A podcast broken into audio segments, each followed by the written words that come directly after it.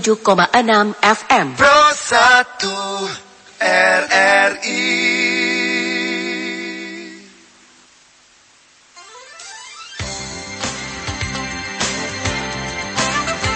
Saatnya Anda mengikuti acara Dunia Wanita.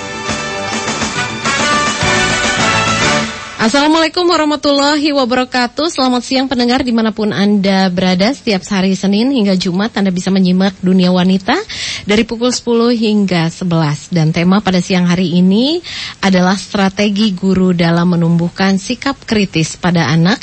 Bersama narasumber Ibu Rizka Rustianti SPJ SPD Sebagai Kepala Sekolah SD Uhuatul Islam. Dan juga Bu Leni Kurniasari SPD sebagai Guru SD Negeri 053 Cisitu.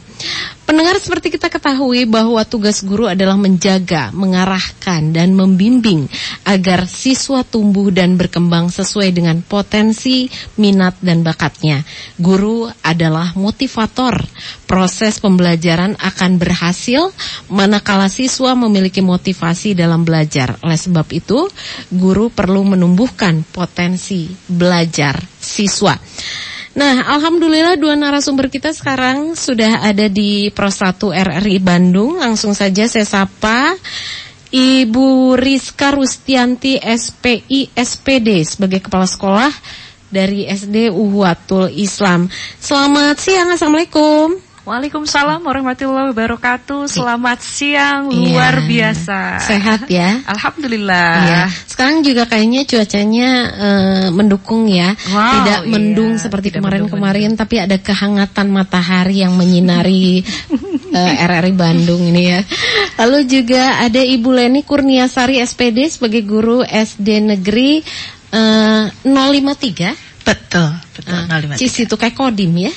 053. Sekarang punya nomor semua sekolah di Kota Bandung. Ada nomor Cis itu itu yang ke atas dari Simpang Dago ya.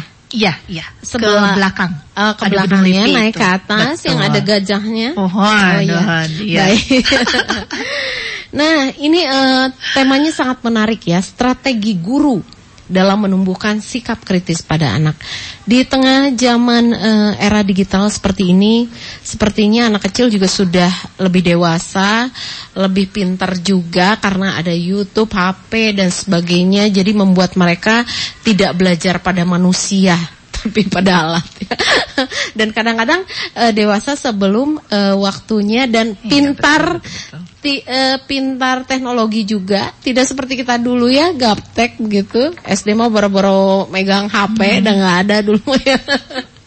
Jadi eh, situasinya memang eh, sangat berbeda. Apalagi ketika kita memasuki pandemi dari 2019 eh, daring daring daring dan daring sehingga tatap muka itu berkurang sehingga mungkin komunikasi juga kurang ya antara guru dan murid dan banyak tugas katanya konon seperti itu ya.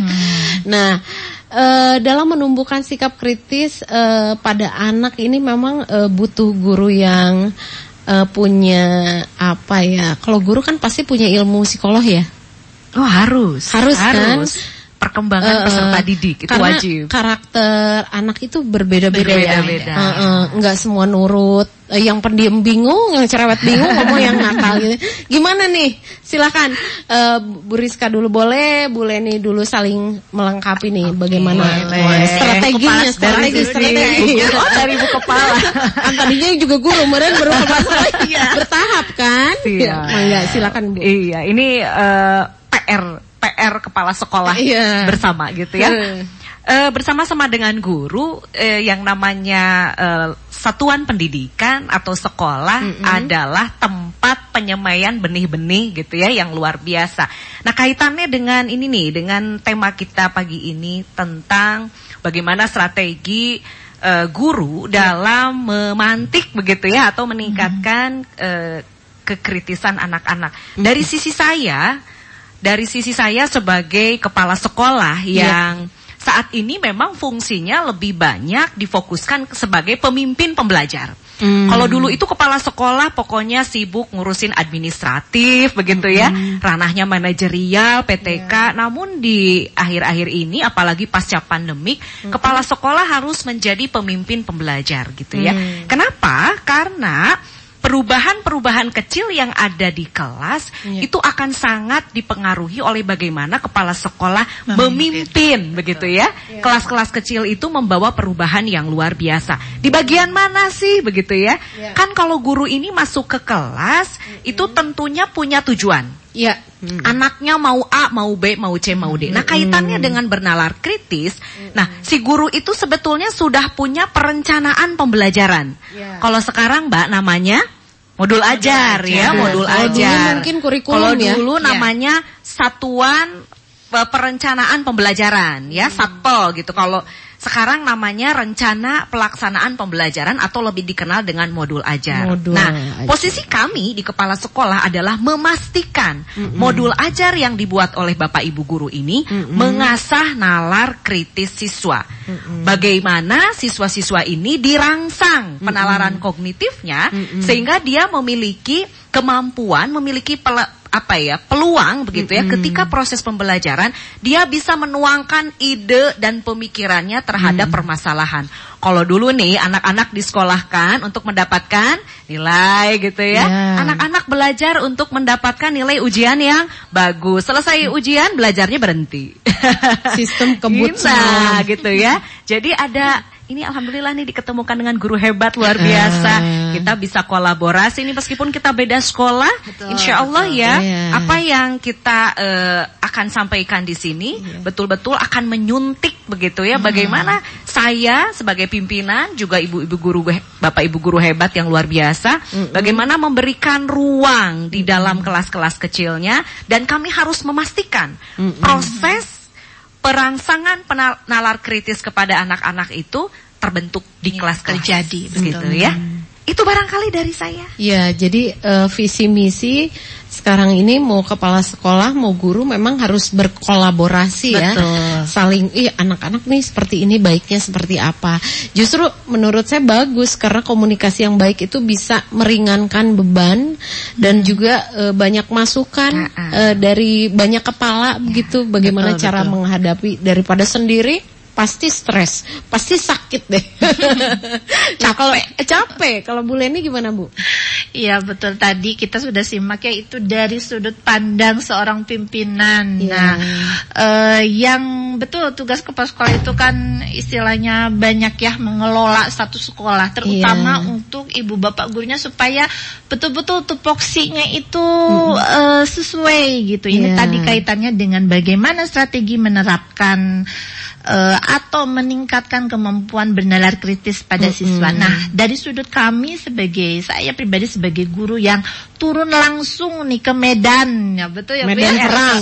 medan perangnya yang langsung berhadapan dengan anak-anak di Iya. kelas dengan mungkin karakteristik anak-anak zaman now. Nah, Iya. yang tadi sekilas dibahas bahwa di awal ya zaman sekarang betul sebetulnya eh, dengan potensi mereka bergaul dengan gadget setiap hari itu memungkinkan bagi sebagian siswa itu eh, kemampuan bernalar kritisnya itu mulai terbentuk gitu Mulai Bu. terbentuk. Namun menurut saya itu perlu peran-peran guru maupun orang tua mengarahkan. Nah, misalnya ini ada salah satu eh, manfaat kenapa sih anak harus dibentuk nalar, nalar kritisnya itu sendiri? Salah satunya itu untuk uh, mereka itu bisa memilah informasi mana yang penting, Betul. mana yang tidak penting, dan mana itu yang yang sesuai dengan mungkin tingkat perkembangan si anak-anak. Nah itu tugas yang berat menurut saya bagi seorang guru maupun orang tua di sana pendampingan guru mengarahkan gitu. Karena kalau menurut saya betul anak-anak zaman sekarang dengan zaman dulu saya waktu SD itu mungkin jauh sekali sangat berbeda. Karena tadi pengaruh dari kemampuan bagaimana mengakses informasi eh, apa namanya mereka itu belajar tidak hanya di kelas gitu untuk ah. sekarang.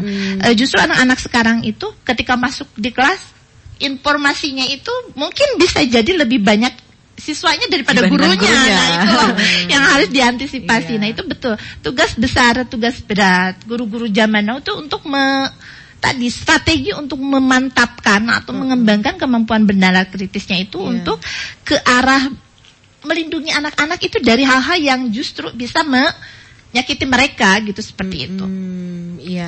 Jadi apalagi sekarang eh, banyak sekali yang hoax ya, lalu Hmm. juga eh, yang tadi saya bilang bahwa banyak eh, maaf nih kasus-kasus yang terjadi yang eh, menimpa anak SD ya, eh, korban dari misalnya pria dewasa, KDRT Betul, dan betul. sebagainya. Ini betul-betul loh anak sekarang itu eh, jadi kalau keingintahuannya harus dikasih tahu dengan sesuai dengan usianya itu mungkin lebih baik ya daripada Betul. ditutup-tutupi. Betul. Nanti malah eh, kitanya bakal menyesal eh, karena apa? Ya kita tidak tahu sih apa yang bakal terjadi. Bahkan orang-orang terdekat pun yang mungkin tidak kita curigai ya kalau saya lihat dari kasus-kasus tuh ya tetangganya, saudaranya, apanya gitu. Jadi getun juga ya, bukan mengayomi menjaga ya, tapi Malah ada potensinya Nah, mungkin ya, itulah. menyakiti. Jadi memang Betul. betul-betul anak ini harus dijaga walaupun tidak bisa 24 jam nempel gitu ya. Tapi eh, sering komunikasi mungkin ya. Eh, bumbunya gitu ya di mana ke mana walaupun ih si ibu cerewet baru tadi udah udah telepon lagi. Mau ke mana aja hari ini? Gitu ya. Oh Kadang-kadang kepo mau ditanya kepo ya. Ya, itu serba kepo ya. salah Serba deh. salah, Tapi iya, nggak apa-apa sih demi kebaikan nanti juga pada ngerti. Nah, dengan adanya eh, karakter anak sekarang seperti itu dan juga s- lingkungan sekitar yang memang perlu kita protek buat anak supaya dia tahu mana yang benar, mana yang salah sesuai dengan usianya. Eh, sebagai guru nih ya di sekolah kan beda ya kalau misalnya di rumah itu kan udah tahu dari kecil melihara anaknya dari bayi itu pasti tahulah karakter kekurangan kelebihan setiap anak tapi kalau di sekolah kan mungkin eh, masih agak bukan meraba-raba ya karena ketemunya cuma pas jam pembelajaran ya Jam pembelajaran Heeh. cuma berapa 5 sampai 7 jam nah, mungkin ya. kecuali kalau misalkan ada suatu kasus di sekolah bisa lebih dekat, bisa sering komunikasi jadi tahu oh karakter anak ini seperti ini. Itu lebih efektif memberitahu anak sekarang tuh gimana sih dengan tegas, keras atau dengan kelembutan, dengan PDKT atau gimana nih? Luar biasa ya. Ini Ya, eh, tantangannya ya. pertanyaan. Eh, pertanyaannya nih agak-agak Biasanya gimana kalau gitu. di kasarnya malah langsung mental Iya, tuh. iya betul. ya, berangkat dari eh, anak-anak yang apa namanya? mm, heterogen gitu ya, dari segi karakter, kemudian kebutuhan, minat termasuk juga gaya belajar, tidak akan ada satu metode pun yang paling efektif. Bagaimana supaya anak-anak selain berpikir kritis, dia juga terbuka gitu ya, Iya. untuk dapat menyampaikan apa yang informasi apa yang sudah dia terima gitu. Karena pada akhirnya seiring dengan perjalanan waktu dan pertambahan usia, sebetulnya anak akan menemukan caranya sendiri. Nah, Iya. di sinilah tugas orang tua gitu ya. Kalau di sekolah berarti kita ya, kepala sekolah, guru sebagai ayah ibu keduanya mendampingi, mengupayakan dan memberikan ruang yang besar bagaimana anak berpikir berpikir kritis, namun kita juga berikan rel-relnya begitu ya. Nah, karena terkadang anak-anak yang kritis ini kan sering mengajukan pertanyaan yang membuat orang tua emosi Iya. gitu ya. Iya. Bisa jadi pertanyaannya tuh berulang-ulang, terus kadang-kadang terkesan juga nggak masuk akal gitu ya. Iya. Sering tuh sering kali ya kita sebagai guru juga kadang-kadang nggak mau menjawab ya. Ibu-ibu di rumah juga Bingung seperti itu jawabnya ya. ini Ah, mesti gimana Bingung nih ya. jawabnya mesti gimana gitu. Karena memang ini bukan sesuatu yang salah. Nah, ketika Iya. orang tua berhenti menjawab, di situlah kadang-kadang anak sudah tidak mau berpikir kritis lagi gitu Iya, ya. Kadang-kadang jadi apa? Jadi ah eh, apa malas gitu ya untuk Iya. bertanya lagi gitunya. Nah, pasalnya orang tua juga mungkin tidak memiliki eh, apa ya namanya eh, wawasan yang Iya. Eh, luar biasa gitu ya dalam hal ini karena memang ini perlu eh, edukasi begitu ya. Nah, mungkin kami dari sisi guru ini lebih lagi-lagi balik lagi kepada bagaimana pendidikan karakter ini harus seimbang begitu ya, mengimbangi proses pembelajaran yang ada di kelas gitu. Apalagi di kurikulum merdeka ya, Iya, Bu Leni ya. betul, betul. Sekarang ini eh, Mbak di kurikulum merdeka itu guru itu bukan hanya sebagai pentransfer materi begitu ya, tetapi kita juga dituntut untuk bagaimana kita memberikan eh, apa ya ruang yang banyak untuk pendidikan karakter ya. Nah di sinilah butuh yang namanya filter ya. Jadi ketika anak memperoleh dan memproses informasi, kemudian nanti dia juga akan mengambil keputusan mana yang bisa dia pakai atau tidak. Di sinilah profil penguatan atau proyek penguatan profil pelajar Pancasila bermain begitu Iya. ya. Nah ini mungkin Bu nanti akan eh, ini luar biasa nih calon guru penggerak ini Bu Leni ini calon guru penggerak Bu calon kepala sekolah mungkin nantinya ya. Calon saya pimpinan doakan ya, mau gitu tahun ya. berapa Amin. dia? Jangan Tahun berapa?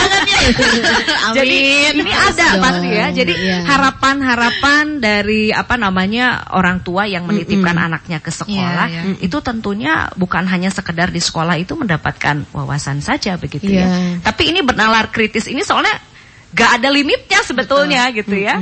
Maka bagaimana pinter-pinternya kita mem- membuat suatu program yang memang di satu sisi kreativitas, nalar kritis anak-anak harus muncul, di sisi lain harus diimbangi dengan pendidikan karakternya juga. Iya, betul sekali. Tadi Bu Rizka juga udah oh, panjang lebarnya tadi menjelaskan eh, dari sisi tugas berat betul seorang guru eh di tidak hanya istilahnya di dalam kelas tuh terkesan guru tuh hanya mentransfer ilmu tidak Iya. ya untuk zaman sekarang itu betul eh, saya rasa juga guru-guru zaman sekarang itu sudah mulai terbuka gitu ya Bu ya wawasannya juga mulai apa ya eh kebutuhan pendidikan zaman sekarang dengan mungkin pendidikan-pendidikan zaman guru dulu, Dulu, iya. ketika dibentuk gitu untuk menjadi seorang guru itu berbeda jauh sangat berbeda gitu.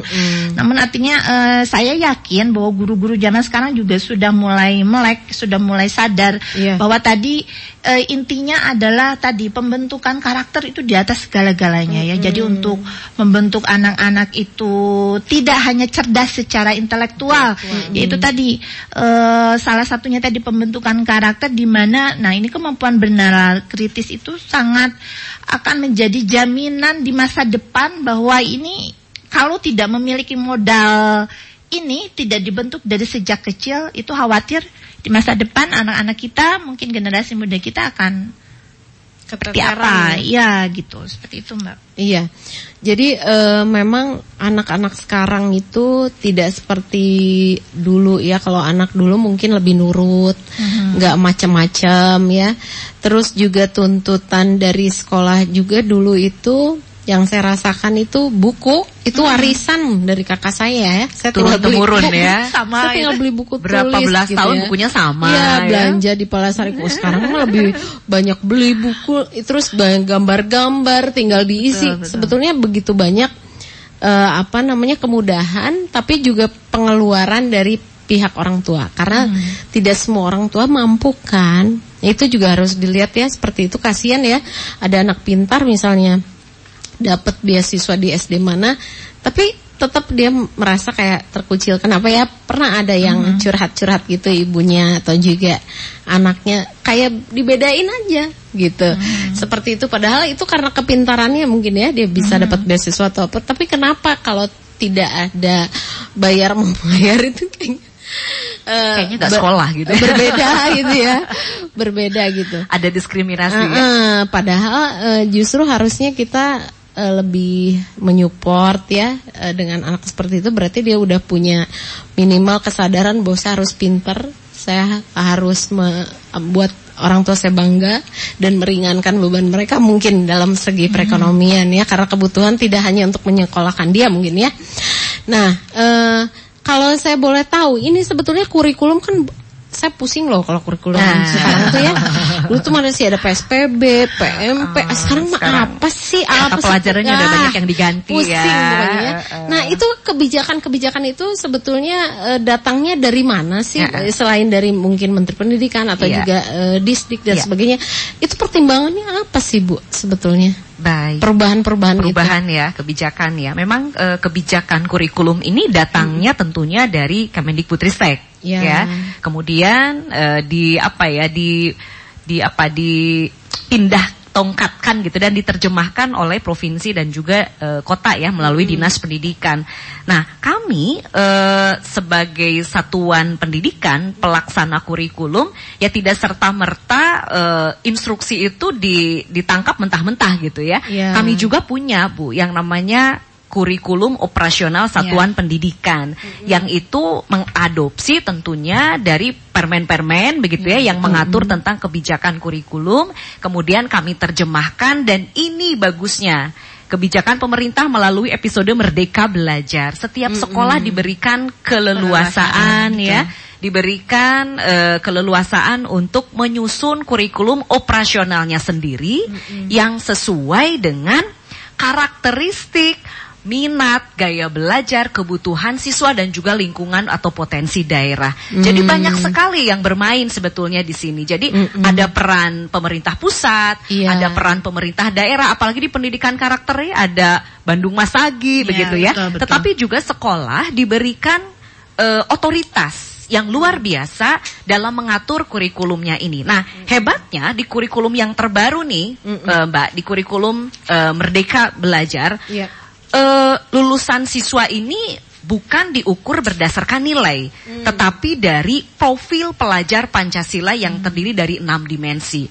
Artinya memang pendidikan karakter ini sekarang menjadi eh, starting point ya, awal dan juga ini titik eh, tujuan gitu. Jadi goalnya itu ke situ. Di mana siswa ini diharapkan nantinya bisa mendeteksi sebuah semua permasalahan yang ada Iya. menggunakan enam dimensi profil pelajar Pancasila. Kalau dulu siswa itu belajar hasil belajarnya apa sih? Nilai Nah, kan ya. nilai. Nah, kalau sekarang enggak. Ya, hasil belajarnya sudah mulai bergeser gitu ya, menjadi bukan hanya knowledge gitu dan skill tapi juga attitude. Nah, maka di sinilah butuh gitu pemimpin-pemimpin pembelajar, penyusun-penyusun atau tim pengembang kurikulum di sekolah yang menyeimbangkan begitu ya antara eh, kemampuan pengetahuan dan juga kompetensi-kompetensi dari eh, pendidikan karakter. Nah, saya ini ingin titip sebetulnya melalui siaran siang ini ya kepada guru-guru hebat. Iya. Pokoknya berikan ruang kepada siswa sebesar mungkin bagaimana profil pelajar Pancasila ini terbentuk sejak dini. Begitu.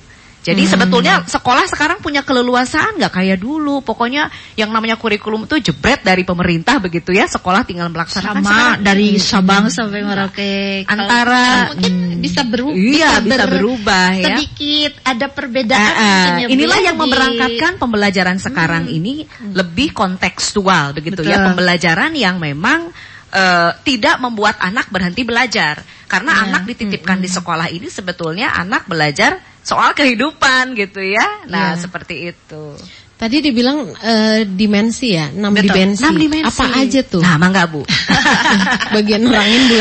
Iya ini. itu itu yang se- sekarang lagi digaung-gaungkan gitu tuh enam pro, enam dimensi profil pelajar Pancasila itu namanya yang Mm-mm. pertama itu beriman dan bertakwa kepada Tuhan yang Maha Esa dan berakhlak mulia kemudian yang kedua ada dimensi penara kritis yang ketiga itu dimensi berkebinekaan global yang Iya. keempat mandiri yang kelima itu bergotong royong ya Bu ya yang keenam kreatif kreatif. Nah, itu Iya. modal utama bagi generasi generasi penerus bangsa ini mungkin ya Bu ya.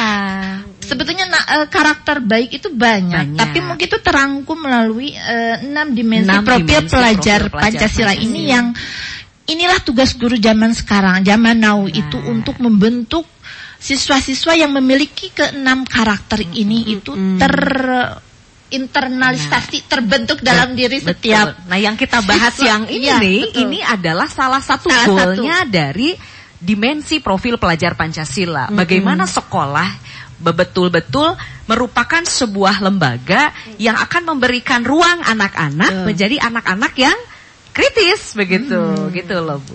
Betul.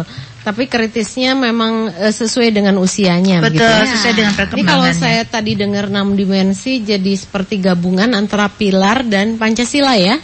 Cuma diartikan Hmm. ya. Ketuhanan yang Maha Esa, gotong royong, musyawarah untuk muakat seperti Betul, itu ya. betul. supaya lebih mudah mengukurnya Iya, kali ya kan makanya betul. menggunakan dimensi di antara dimensi-dimensi itu ada beberapa elemen. Jadi sekarang itu siswa yang menggunakan kebetulan Kota Bandung alhamdulillah ya semua sekolah sudah, Sudah menggunakan kurikulum merdeka kurikulum gitu merdeka. ya. Jadi anak itu nerima rapor dua jenis sekarang ini. Yang pertama rapor pembelajaran, yang kedua rapor profil pelajar Pancasila.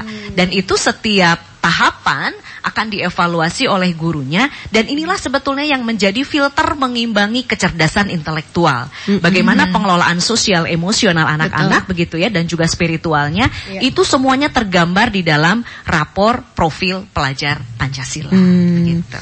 Jadi kalau misalkan kalau kita di kerjaan nih mungkin ada rapotnya ya yang P3 P3 gitu ya. ini rapot rapot dua ya. disiplin. Oh, Iya, ani inu gitu ya. betul.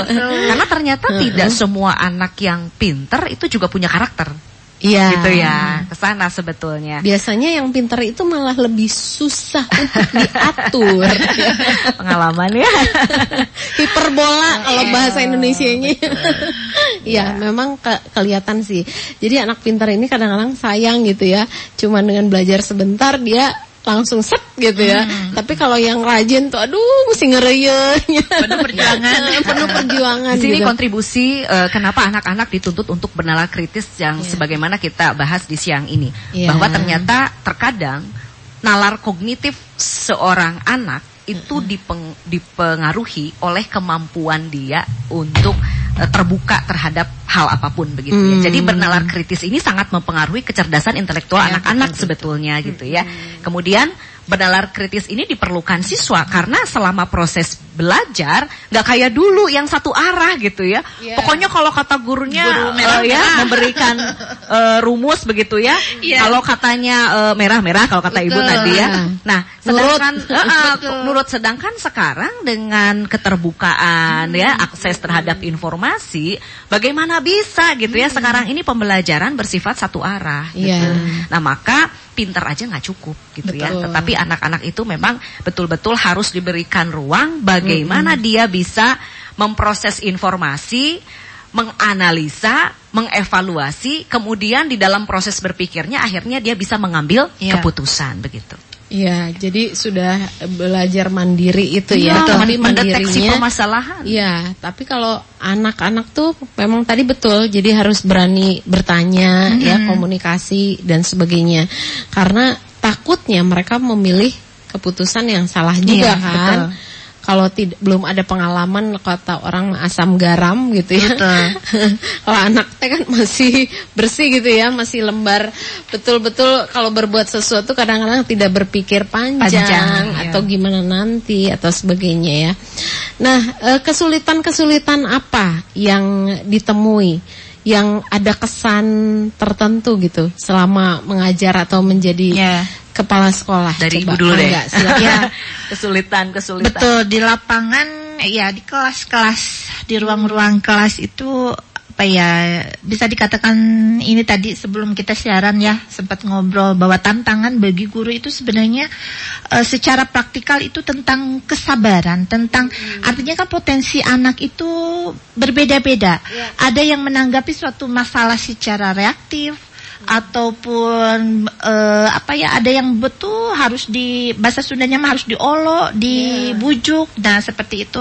Kadangkala betul di lapangan itu sangat menguji kesabaran guru. Itu yang terpenting sebetulnya untuk bagaimana supaya kemampuan bernalar kritis pada siswa itu muncul, terbentuk. Kadangkala sebagian dari teman-teman guru itu tidak sabar menunggu prosesnya. Padahal setiap anak itu punya prosesnya masing-masing, punya waktunya masing-masing. Nah, eh, tantangan terberat bagi eh, saya pribadi, nah itu menunggu momen-momen itu loh bu, karena tidak tiap anak kita sadar tiap anak itu berbeda dan mereka punya waktunya untuk ada waktu innya sendiri-sendiri gitu ya kalau saya katakan nah seperti itu.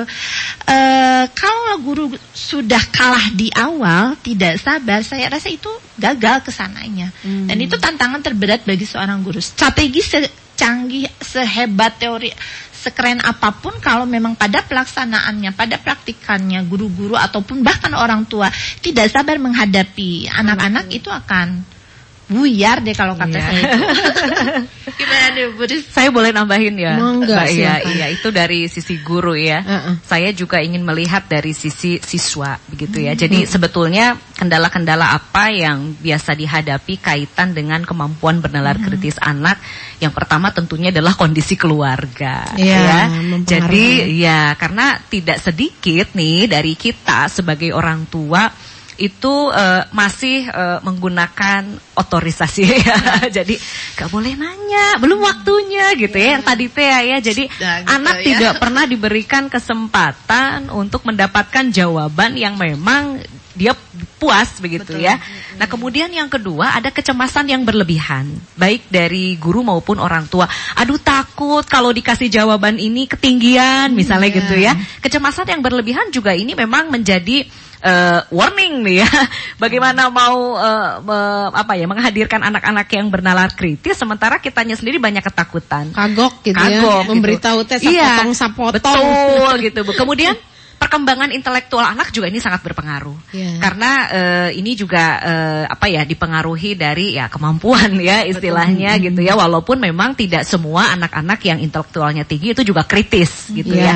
Tetapi ini juga terkadang berpengaruh ya. Kadang kalau di kelas tuh yang mendominasi yang bertanya anak-anak yang itu terus gitu ya, anak-anak Betul. yang pintar terus gitu ya. itu. Nah, betul. Nah, jadi eh, dari segi siswa mungkin itu. Nah, maka tantangan yang kedua gitu ya tentunya dari sisi guru gitu ya Bu ya, selain kesabaran, guru juga tentunya kan tadi kata Ibu starting awalnya begitu ya sebetulnya. Nah, makanya di kurikulum merdeka ini tugas kepala sekolah sekarang ini betul-betul menjadi sebagai pemimpin pembelajar harus memastikan rancangan pembelajaran memuat kegiatan pembelajaran yang memotivasi anak untuk bernalar kritis begitu ya. Jangan sampai baru juga anak masuk ke kelas udah buka kertas ulangan, buka kertas selembar ayo kita ulangan. Bikin kaget aja. Bikin kaget aja gitu ya. Kemudian yang kedua belum juga apa-apa ujuk-ujuk buka bukunya halaman sekian gitu Iya. ya.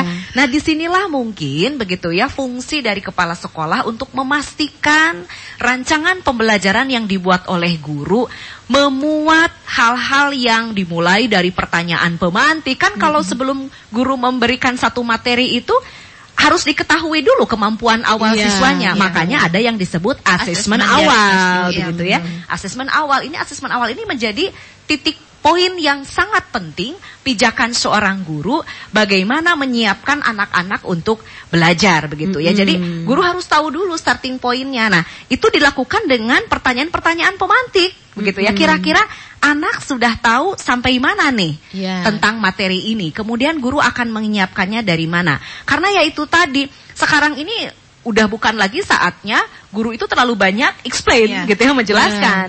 Exemplify more than explain. Bagaimana pembelajaran itu harus lebih banyak soal-soal yang member, ah, bukan soal-soal lebih banyak ungkapan-ungkapan dari anak, pemberian-pemberian contoh terhadap sesuatu kan di situ nalar kritisnya sebetulnya.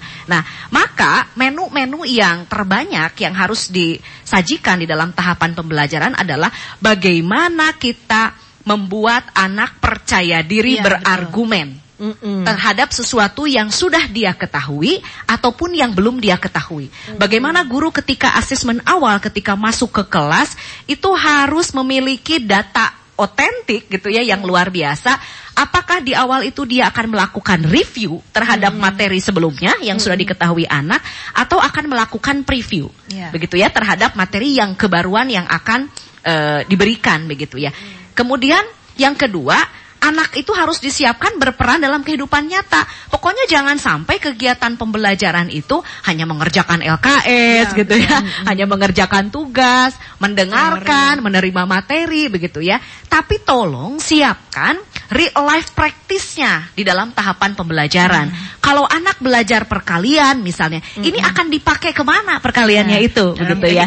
Ini betul. sesi yang terkadang sering dilupakan gitu ya. Jadi terkadang eh, ini saya hanya mengingatkan saja begitu ya. Terkadang guru itu cukup masuk membawa buku, membacakan buku, memberikan tugas, dikasih ulangan udah gitu pulang.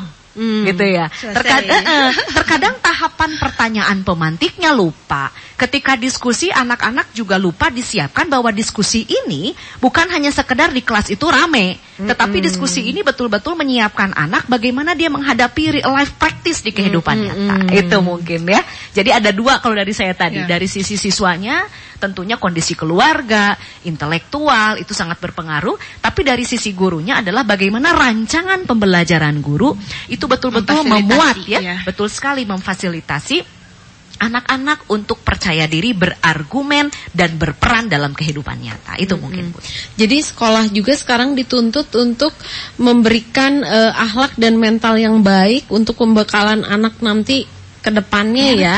Eh, karena mumpung dari usia eh, belum akil balik gitu ya lebih cepat menyerap, meniru dan meneladani yang baik-baik itu akan menjadi baik. Tapi ketika dia menyerap sesuatu yang kurang baik, mungkin nanti itu yang terpatri sehingga nanti Iya. eh, pertumbuhannya juga menjadi kurang baik begitu Ya, ya. Aduh, PR-nya banyak banget, banget ini. Bu. Soalnya ya banyak sekolah banget. ini betul-betul eh, menjadi apa namanya ladang ya. Iya. Ladang untuk memenuhi dua hak anak yang terpenting dalam pendidikan. Yang pertama adalah sekolah adalah tempat di mana anak berhak mendapatkan eh, peluang atau mendapatkan ruang untuk tumbuh dan berkembang.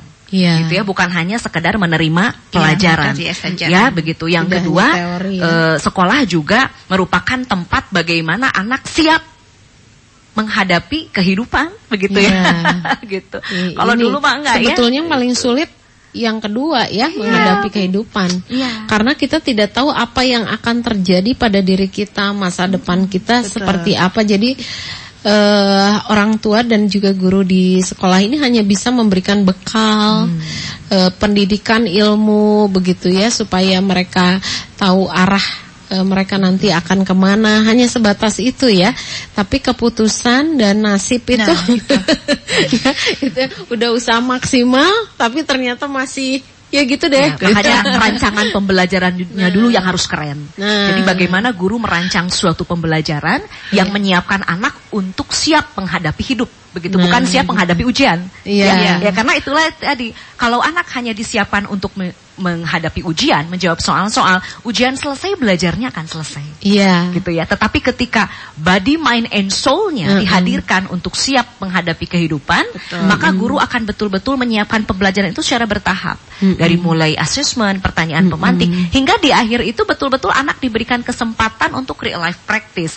Ketika pembelajaran perkalian itu diberikan, bagaimana misalnya di sekolah itu harus banyak menghadirkan pembelajaran-pembelajaran kontekstual, misalnya bermain pasar-pasaran Iya. gitu ya, bermain tentang apa jual beli ya market beli, day iya, gitu ya. Nah day. ini yang kadang Monopoli. dilupakan. Kadang akhir dari pembelajaran apa? Dikasih soal. iya Iya. Nah ini mungkin keren ya di kurikulum merdeka ya ini iya. eh, sekarang lagi apa lagi project Kita katanya ya project, nah betul. lagi project Yang mungkin apa ya zaman dulu nggak ada kalau waktu zaman saya sekolah nggak karena ada. dulu Bu. pendekatannya berbasis apa berbasis teoritis Iya mungkin betul. ya Nah Kalau- ini yang sekarang sedang dikerjakan nih di SDC situ itu anak-anak satu bulan ini Kita sedang belajar dengan pola berbeda. Kita eh, sedang mengadakan project. Mungkin ke- terkesan kalau kegiatannya mungkin kalau main ke sekolah, ini tuh anaknya ngapain? Pakai baju bebas. Ya. Terus kayak main-main aja gitu, main-main. nggak ada Kapan hampir, belajarnya iya, gitu ya. Eh, untuk eh, belajar menulis atau membacanya secara tidak langsung tidak kelihatan gitu. Ya duduk manis seperti itu. Anak-anak ada yang menggambar bu sambil lesehan nah, kayak kayak kayak gitu. Tapi justru di proyek-proyek penguatan tadi penguatan pe- profil pelajar Pancasila ini anak-anak diberikan suatu nuansa baru Iya. eh, mereka itu sedang belajar Mm-mm. tapi terkesannya kayak main-main gitu. Nah itu Iya. juga salah satu eh, cara untuk menumbuhkan daya nalar kritis dari anak-anak. Karena beberapa pertemuan seperti itu loh. Ditanya, Bu ini teh kita kapan belajarnya? Nah, Nggak kerasa Karena, iya, ya, mungkin kerasa. bagi mereka, eh, apalagi saya ngajar di kelas 1 ya, di anak-anak kelas 1 itu masih eh, dalam mindset mereka bahwa belajar itu adalah duduk di kelas, Iya.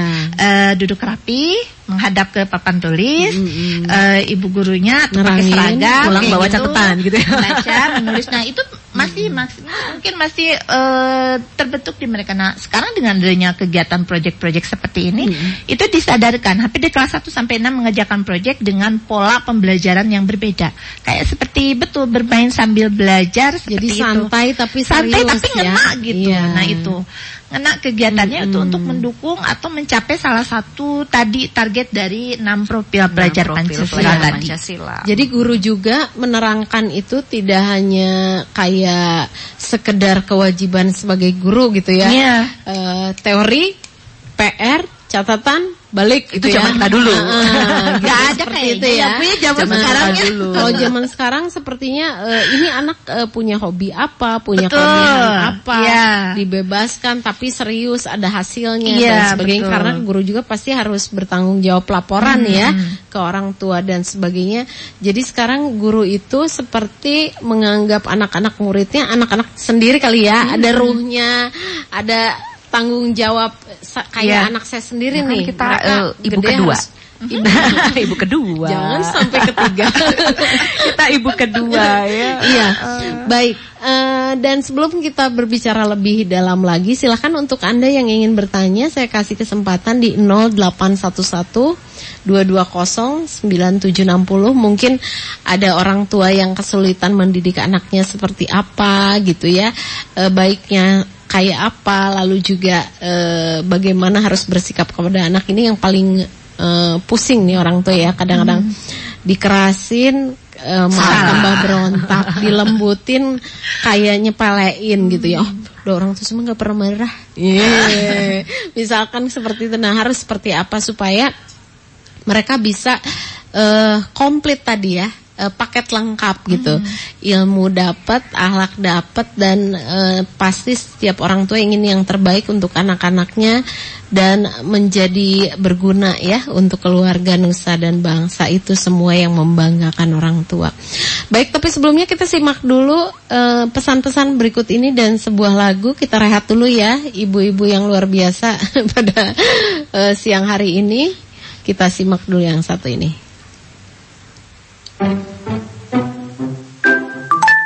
Enak ya jadi guru masa covid gini Tinggal kasih tugas di WA Terus selesai Jadi guru itu sulit loh. Kan tinggal kasih tugas Apa sulitnya? Coba papa sana yang nemenin Dika belajar. Sana, cepet.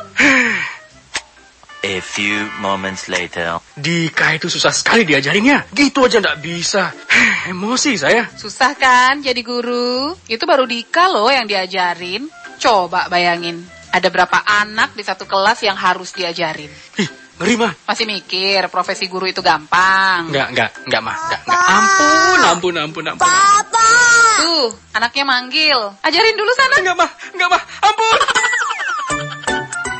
Menjadi seorang pendidik itu tidak mudah.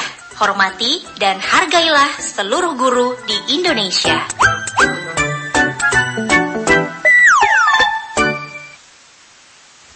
Inilah Radio Republik Indonesia. RRI Radio Tangga Bencana COVID-19.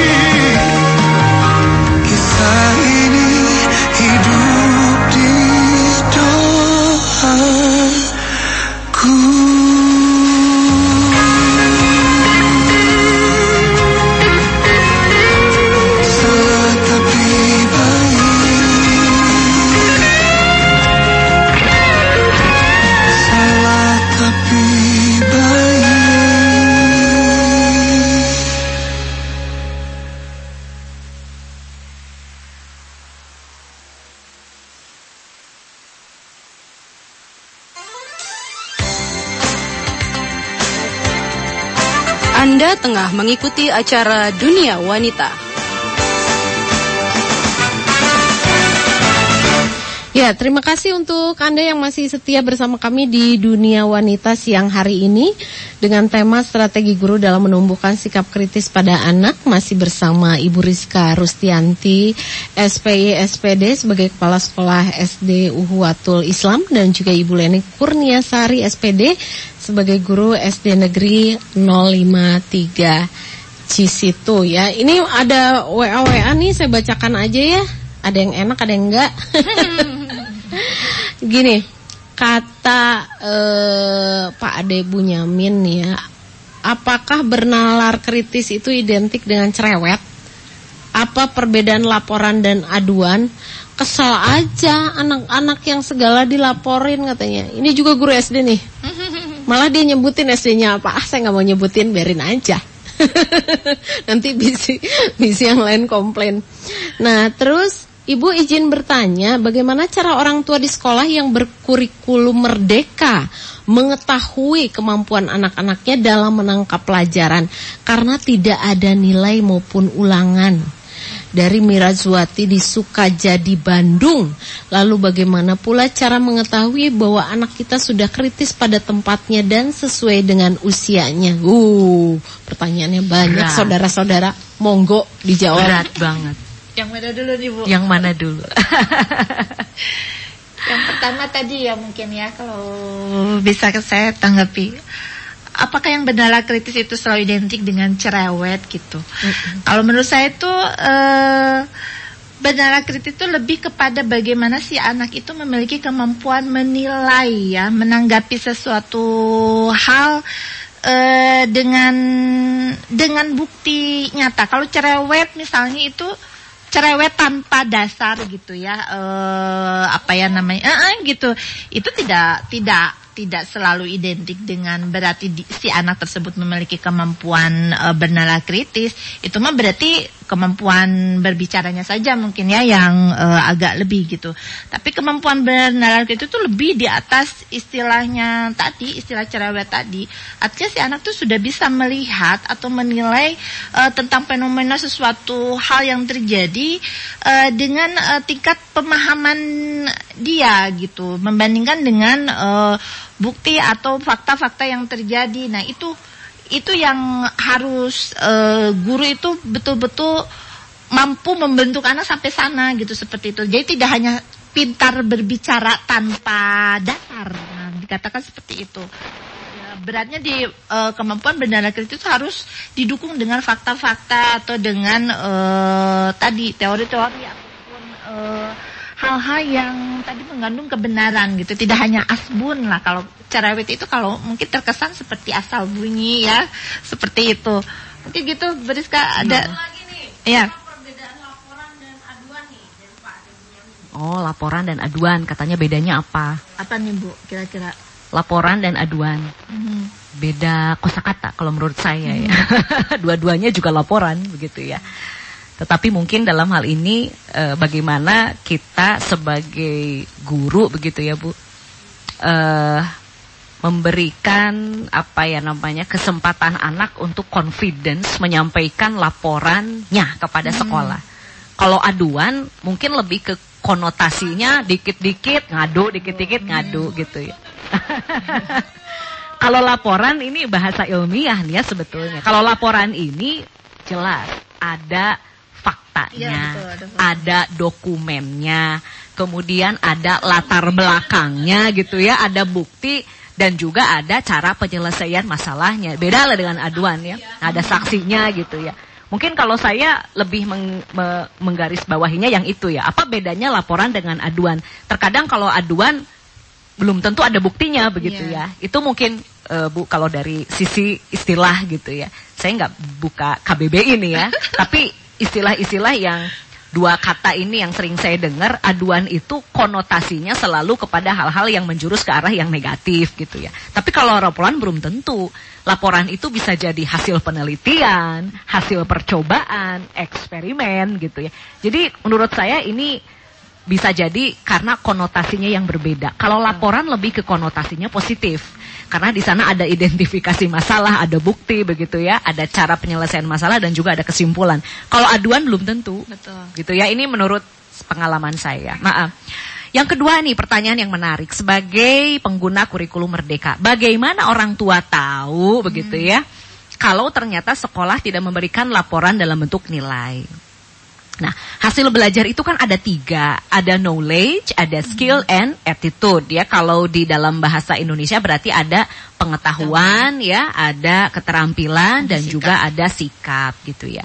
Nah, kami itu bukan bermaksud untuk tidak memberikan nilai sebetulnya, begitu ya. Saat ini di kurikulum Merdeka, Bu, Lumayan nih Bu nilai ini udah mulai rada diumpetin. Bukan maksud ke sana karena selama ini ketika guru memberikan laporan hasil belajar dalam bentuk nilai, terkadang orang tua cenderung menjustifikasi begitu.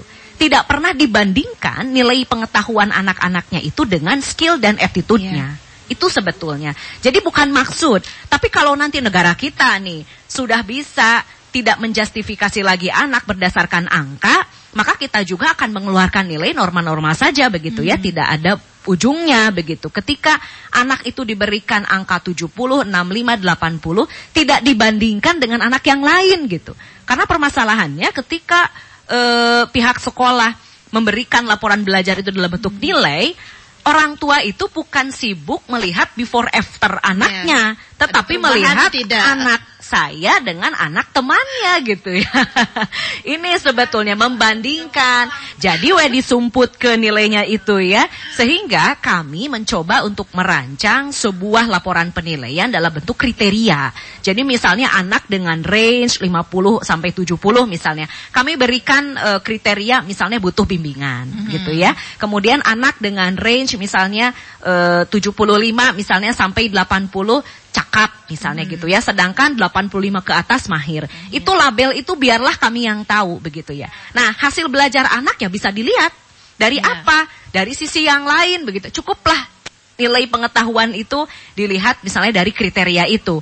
In- butuh intervensi, cakap atau mahir. Tapi kan hasil belajar anak ada yang lain. Ada skill dan juga attitude. Sekarang coba aja oleh orang tua dilihat ya, before after perubahan sikapnya. Ketika anak memecahkan sesuatu di rumah. Kita cek apakah dia merapihkan vas bunga yang sudah dipecahkan, kemudian membuang pecahannya ke tong sampah, kemudian lantainya diepel, kemudian dia mengaku dan meminta maaf. Ya lihat saja dari situ. Apakah nilai Pancasila yang 70 itu diberikan sesuai tidak Dengan perubahan dengan perubahan sikapnya gitu ya. Sebetulnya sangat mudah. Kemudian dengan adanya nih di kurikulum merdeka, dengan adanya raport eh, proyek penguatan profil pelajar Pancasila itu juga memperkuat sebetulnya penilaian yang ada di dalam pembelajaran. Karena hakikatnya apa yang diberikan kepada orang tua berupa laporan itu memang tidak boleh terpisah-pisah. Begitu ya. Oh ini laporan pengetahuannya, ini laporan skillnya, ini laporan attitude. Makanya di kurikulum merdeka kami membuat laporan itu betul-betul sangat komprehensif ya holistik begitu ya. Jadi nilai pengetahuannya ada meskipun nilai itu kan tidak harus dalam bentuk angka, begitu ya. Karena kalau dalam bentuk angka pun Bu di rapot sebelumnya kadang deskripsinya mah nggak dilihat. Yang dilihat teh cuma angkanya doang. Misalnya di deskripsinya begini, anak mendapatkan nilai matematika 75, kemudian anak itu mahir di dalam penjumlahan bersusun. Dan nggak pernah dilihat penjumlahan bersusunnya mah. Pokoknya Pokoknya dilihat lihat teh aja angkanya di weh. Jadi gitu, dinilai gitu itu eh, nilai sama prestasi saja. Iya. ya. Nah, gitu ya. Aduh ini luar Ya, biasa pertanyaan. Ini eh, punten bukannya saya mau menghentikan ilmu yang sudah diberikan tapi berhubung waktu terbatas pukul 11 kita harus bergabung dengan Jakarta. Jadi eh, mudah-mudahan apa yang sudah kita bincang-bincangkan pada siang hari ini membawa pencerahan ya untuk orang tua dan juga eh, anak-anak murid untuk masa depan mereka juga jadi mereka lebih bertanggung jawab lagi dalam eh, belajar karena itu adalah menentukan masa depan mereka sendiri. Terima kasih untuk Bu Rizka dan juga Bu Leni yang sudah hadir ke Persatu RRI Bandung. Eh, saya Talia mewakili kerabat kerja yang bertugas pamit. Terima kasih atas kebersamaan Anda. Wassalamualaikum warahmatullahi wabarakatuh. Waalaikumsalam.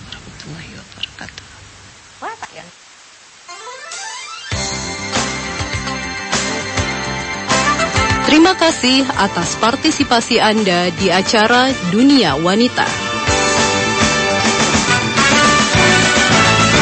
Pendengar sesaat lagi kita akan bergabung dan Pro 3 RRI guna mengikuti warta berita.